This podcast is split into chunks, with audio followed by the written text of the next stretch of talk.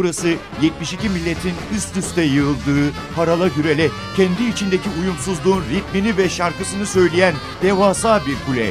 Karşınızda Ahmet Yeşiltepe ile Babil Kulesi.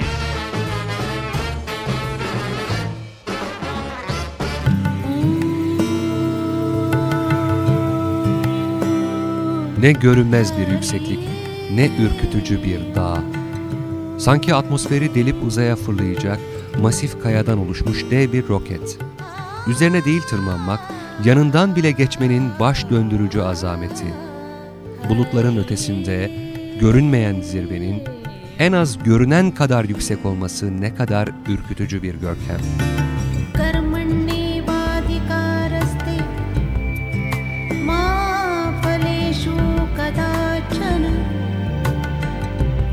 Everest, dünyanın en yüksek doru Everest. İnanılmaz öykülerin yaşandığı, inanılmaz zaferlerin gerçekleştiği, azim, sebat ve mücadelenin doruğu.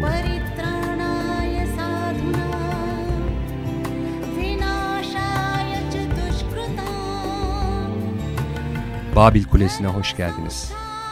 Bu haftadan başlayarak öyküsünü anlatacağımız, fonunda onun gibi epik, destansı müzikleri dinleteceğimiz ve onlarca birbirinden ilginç dipnotunu aktaracağımız kahraman bir dağ, bir dağın doruğu, Everest.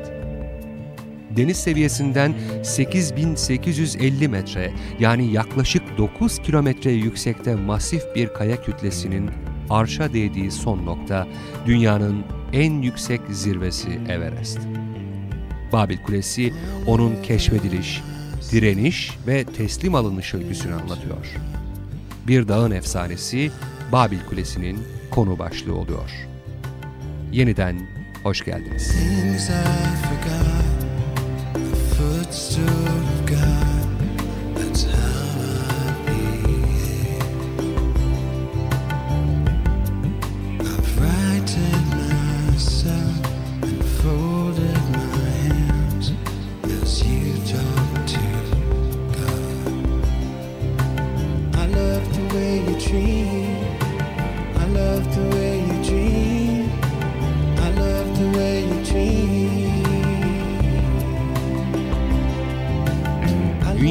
yüksek doruğu Everest'te ilk kez 29 Mayıs 1953 tarihinde Yeni Zelandalı dağcı Edmund Hillary ve ona eşlik eden Nepal'in yerli halklarından Sherpalardan Tenzing Norgay tırmanmayı başardı.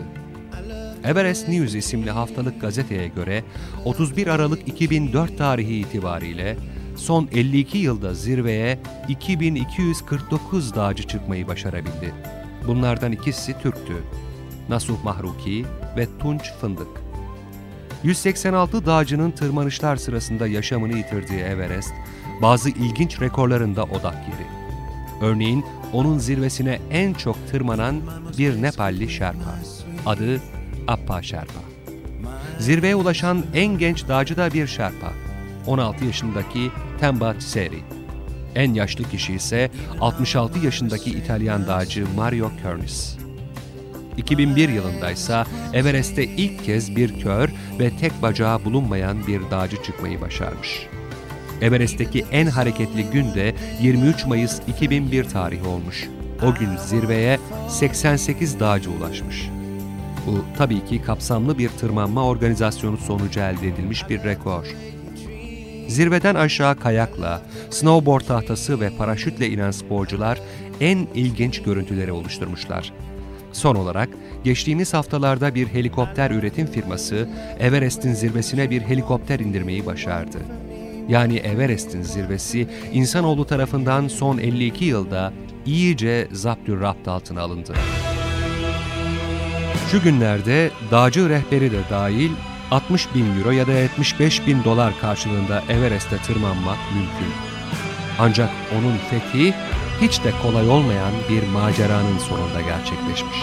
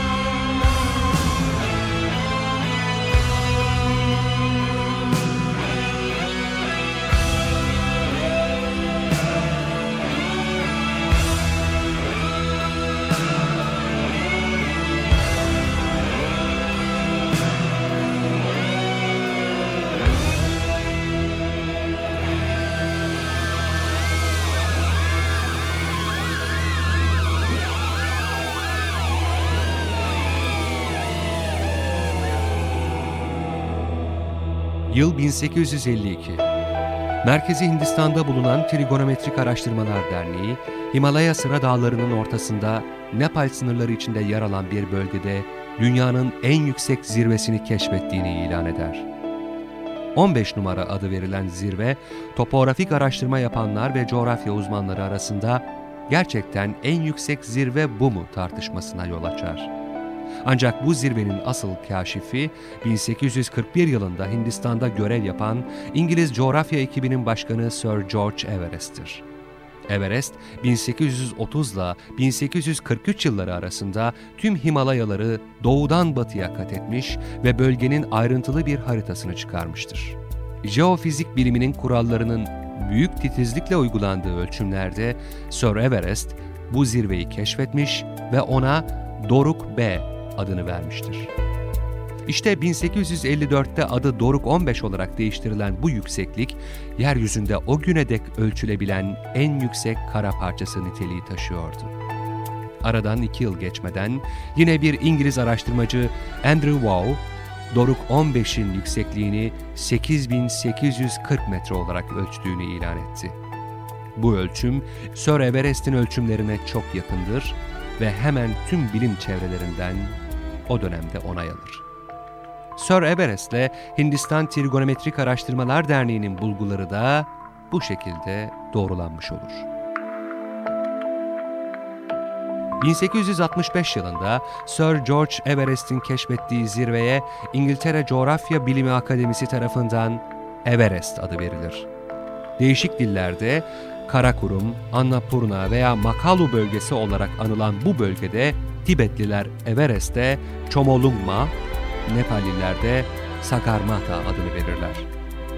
19. yüzyılın sonlarına gelindiğinde yeryüzünün en yüksek zirvesi artık ölçümlenmiş ve pek çok dünya dilinde ortak karşılığını, ortak adını bulmuştur. Everest.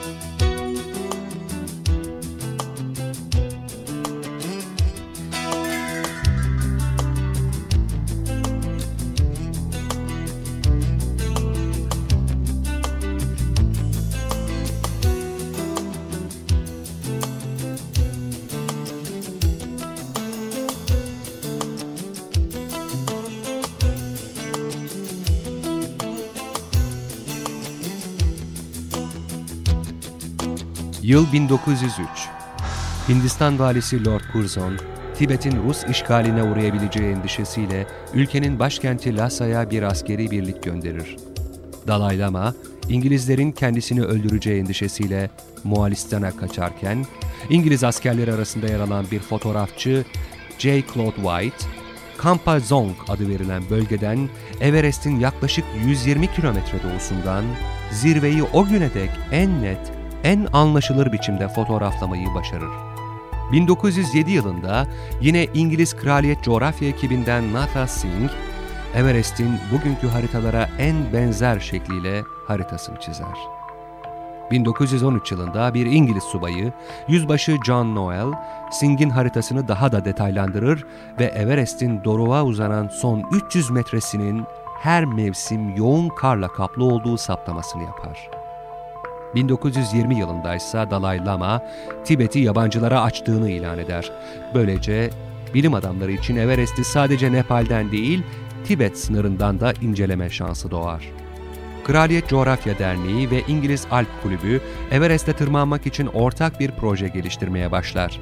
Nihayet 24 Eylül 1921 tarihinde Albay Charles Howard Bury başkanlığında iki ayrı ekip 10 hafta süreyle Everest'e tırmanma girişiminde bulunur. Kuzey cepheden Guy Bullock ve George Mallory 7000 metre yüksekliğe kadar tırmanış gerçekleştirirler. Bu aslında bir keşif tırmanışıdır. Ama tarihe ilk Everest tırmanışı olarak geçer. 1922'de ikinci kez, bu defa daha kalabalık bir ekip, aralarında ilk tırmanışa katılanlardan George Mallory'nin de bulunduğu dağcılar, üç ayrı koldan tırmanışa geçerler. İlk ekip 8170 metreye, diğer ekip 8320 metreye kadar tırmanır. 8000 metreden sonra oksijenin azalması nedeniyle tırmanış oksijen destek tüpleriyle devam etmiştir. Üçüncü ekibin başındaki George Lee Mallory, tırmanış sırasında büyük bir çığ felaketiyle karşılaşır. Ekipten 7 şerpa hayatını kaybeder. Bu, Everest'in aldığı ilk kurbanlardır. Mallory, şarpaları ölüme terk etmekle suçlansa da Everest'e tırmanma, onu ele geçirme inadından vazgeçmeyecektir. George Mallory, 1923 yılında Amerika'da bir konferans gezisine katılır. Burada gazetecilerin Everest'e tırmanma konusunda neden bu kadar ısrarcısınız sorusuna karşılık tarihe geçmiş şu unutulmaz sözü sarf eder. Because it's there. Yani çünkü o orada duruyor.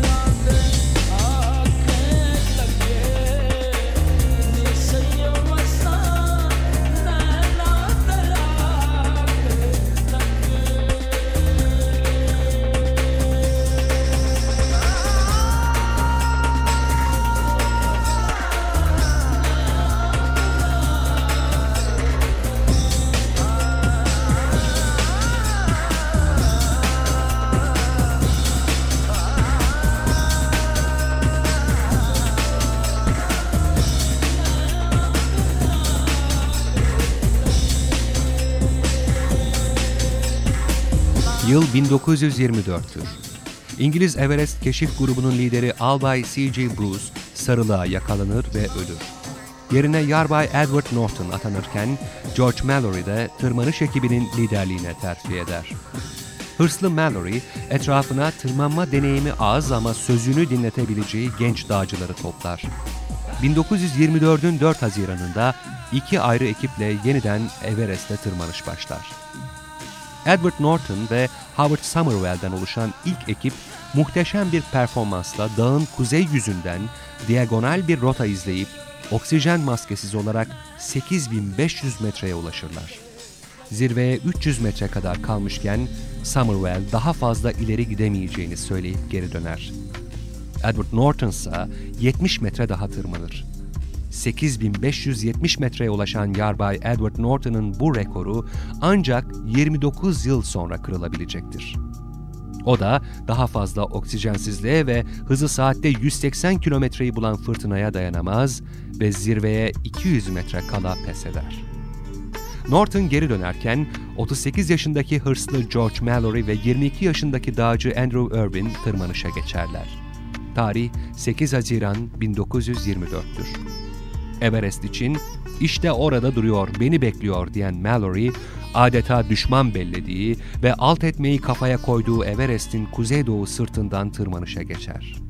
Mallory bu defa oksijen maskesini yanına almıştır. Everest'i yenecektir, onun azametini yerle bir edecek ve Everest'i dize getiren adam olarak tarihe geçecektir. George Mallory, Andrew Irwin'le 8440 metreye kadar birlikte gelir. Sonra, sonrası tarihin en gizemli bilinmeyenlerinden biri olarak kalacaktır.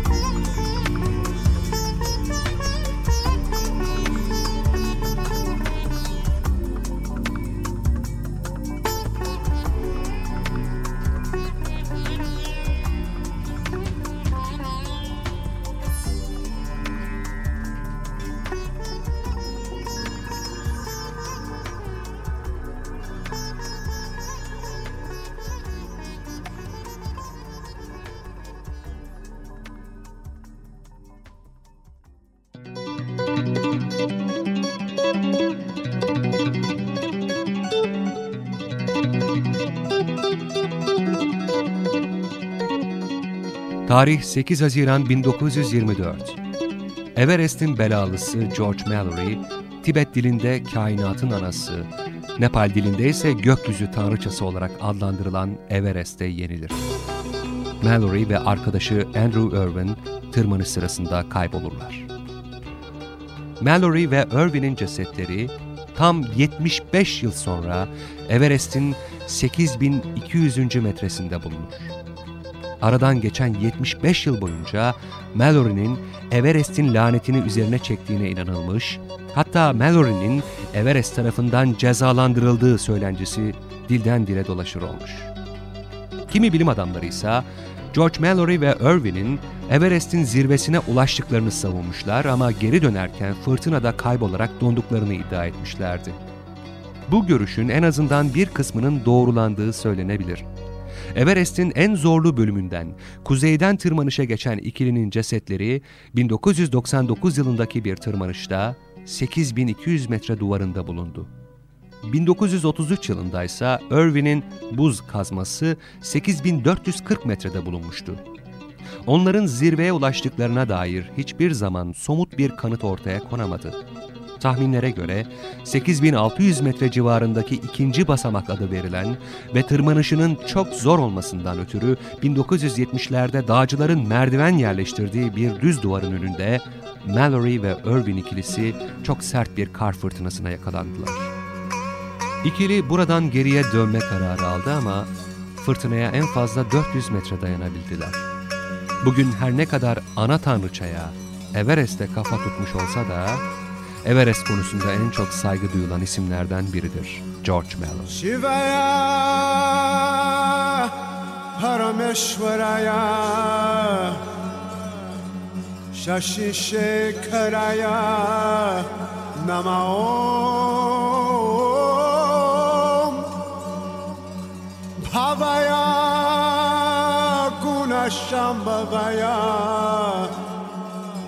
Shiva Tandavaya Namaom Shivaya Parameshwaraya Shashi Shekharaya Namaom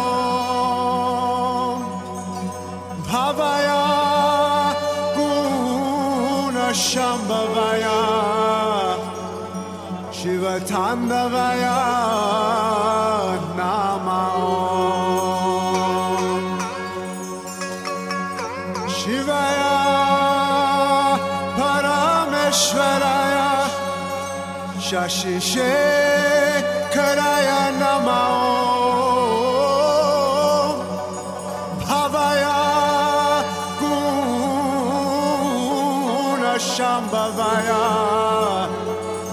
Shiva Tandavaya Namaom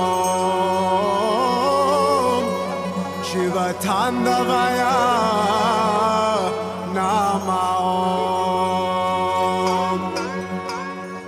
Everest, tüm dağcıların efsanesi, tüm dağların en görkemli, en zorlu zirvesi.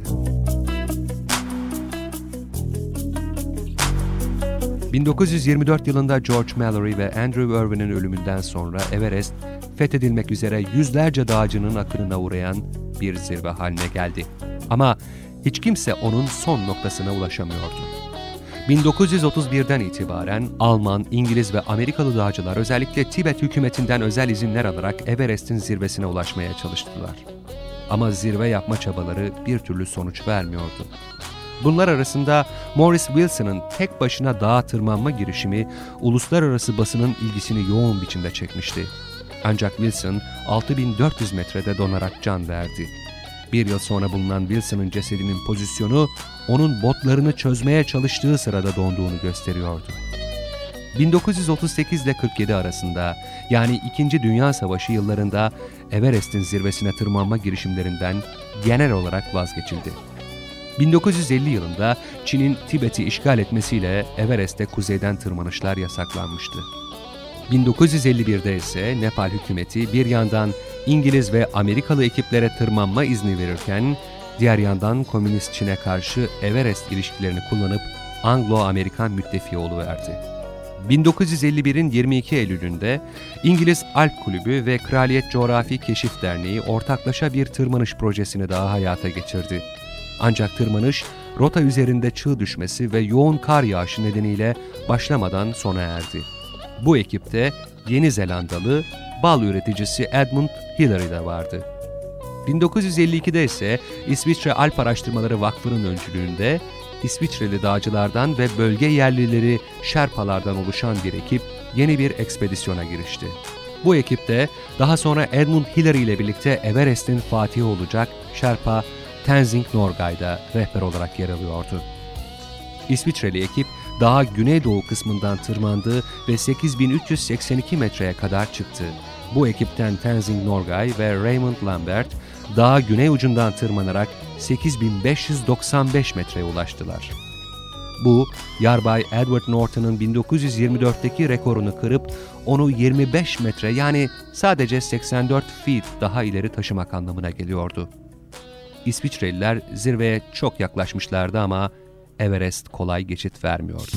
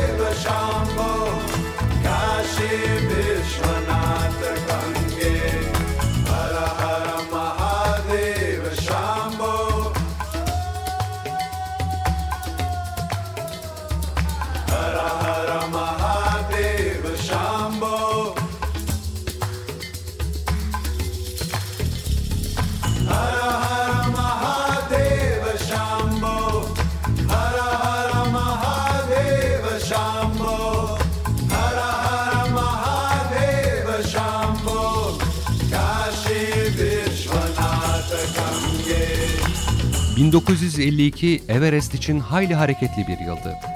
İsviçre ekibi zirveye 200 metre yaklaşmış ama onu fethetmeyi başaramamıştı.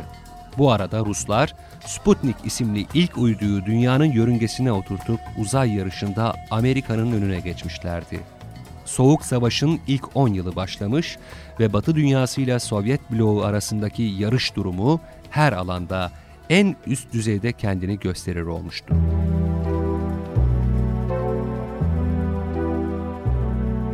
Sovyetler 1952 yılında başında Doktor Pavel Dashnolyan'ın bulunduğu kalabalık bir dağcı grubunu Everest'e gönderdi. Ekip 16 Ekim'de 8170 metreye ulaştı ancak 6 kişiden oluşan Sovyet ekibi başlarında Doktor Dashnolyan dahil olmak üzere aniden kayboldu. Sovyetler Birliği garip bir biçimde Everest'e dağcı göndermediğini açıkladı. Yani Moskova başarısızlığa uğramış bir dağcı grubundan söz etmek istemiyordu. Çinliler de Sovyet grubunun varlığından haberdar olmadıklarını duyurdular. Sovyet dağcılarının kaybolduğu Tibetli bir dağ rehberi tarafından doğrulandı. Üstelik 1960 yılında Everest'in kuzey sırtında 8500 metre civarında İngiliz ekiplerine ait olmayan esrarengiz boş bir çadır bulundu. Ancak Sovyetler hiçbir zaman Doktor Pavel Dashnolyan ve ekibine sahip çıkmadı. Onların Everest'e gidişleri konusunda iddiaların reddedilmesi dışında hiçbir resmi açıklamada bulunmadı. Belki de Dashnolyan ve ekibi zirveyi görmüş olsalardı, bu Moskova için bir zafer olacak ve uluslararası çerçevede bir propaganda malzemesi olarak kullanılacaktı. Ancak ne var ki Sovyet ekibi Everest'in zirvesinde hayatlarını yitiren esrarengiz Ruslar olarak tarihe geçti. Belki de Dashnolyan ve ekibi Everest'in zirvesini görmüştü. Ama her halükarda onlar Everest'le savaşı kaybetmiş ve Moskova'nın yüzünü kara çıkarmışlardı.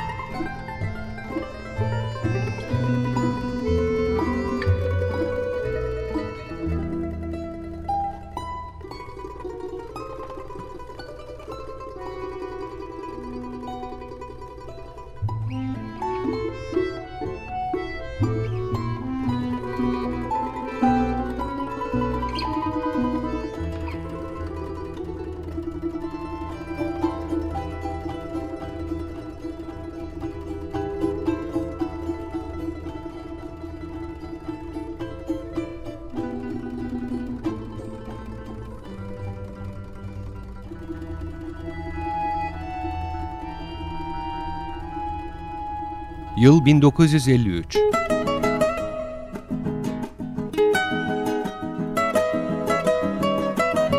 Çoğu İngilizlerden oluşan ve Albay John Hunt'ın başkanlığını yaptığı ekip Everest'te 26 Mayıs tarihinde yeni bir tırmanış başlattı. Tırmanış iki kişiden oluşan iki ayrı ekiple start aldı. İlk ekipte İngilizler Dr. R.C. Evans ve Thomas Bordillon vardı.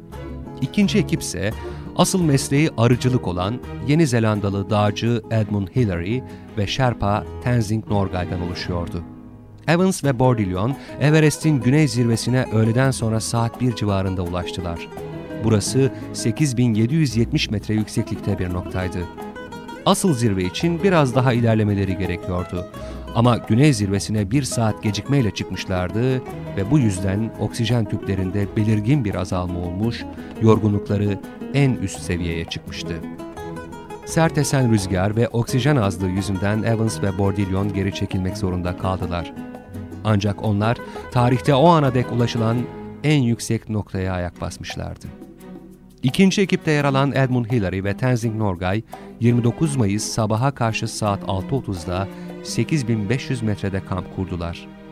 3 saat sonra yeniden tırmanışa geçip Everest'in güney zirvesine ulaştılar.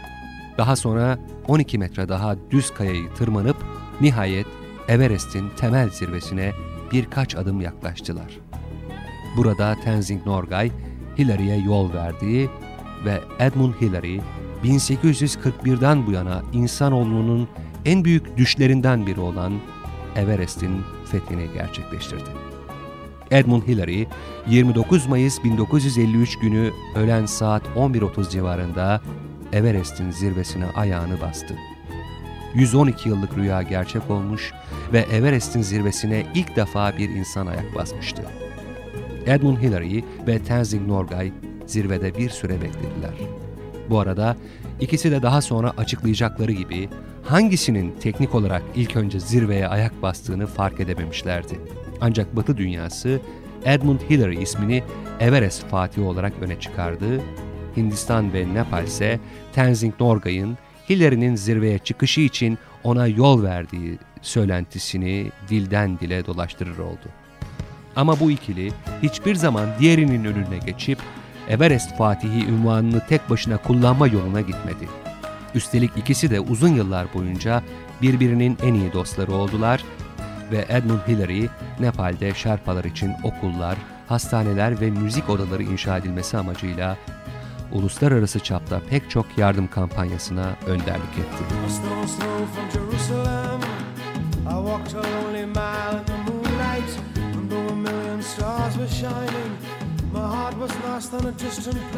Edmund Hillary, Tenzing Norgay ile zirveyi fethettikten sonra dağın eteklerinde İngiliz ekibinden George Love'la karşılaştı. Hillary, zaferi Love'a şöyle müjdeledi. George, bu defa serseriyi hakladık. Gerçekten de uzun yıllar boyunca zirvesine geçit vermeyen, onlarca kurban alan Everest artık pes etmişti. 1955 yılında Everest'in 29.028 feet yani tam olarak 8.848 metre yüksekliğinde olduğu açıklandı. 1999 yılında bu rakam bilim adamlarınca 2 metre daha yukarı çekilecek ve 8850 metre olarak kesinlik kazanacaktı. Ancak Everest'in yüksekliği her ne olursa olsun nihayetinde insanoğlunun azmi ve sebatı karşısında yenilgiye mahkumdu. Edmund Hillary ve Tenzing Norgay da bunu biliyorlardı ve onu bu yüzden alt etmeyi başarabilmişlerdi.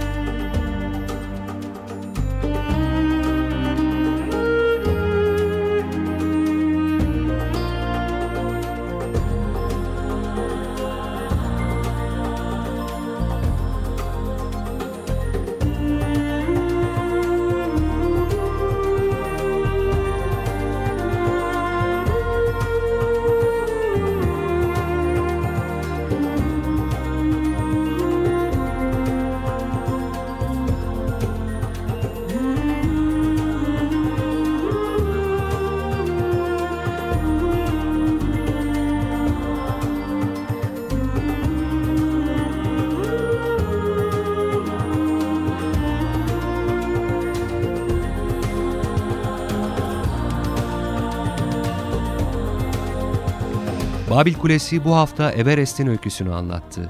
Onun keşfedilişini, direnişini ve teslim oluşunu. Peki Everest'in 1953 yılındaki teslimiyeti sonrasında neler yaşandı? Şerpalar kimlerdir?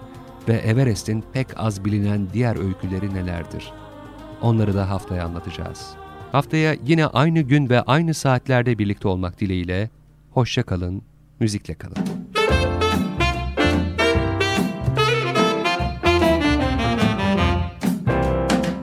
...72 ülkeden uyumsuzluğun ritmi ve şarkısı. Babil Kulesi. Rengarenk bir ses tayfı. Babil Kulesi. Ahmet Yeşiltepe ile NTV Radyo'da.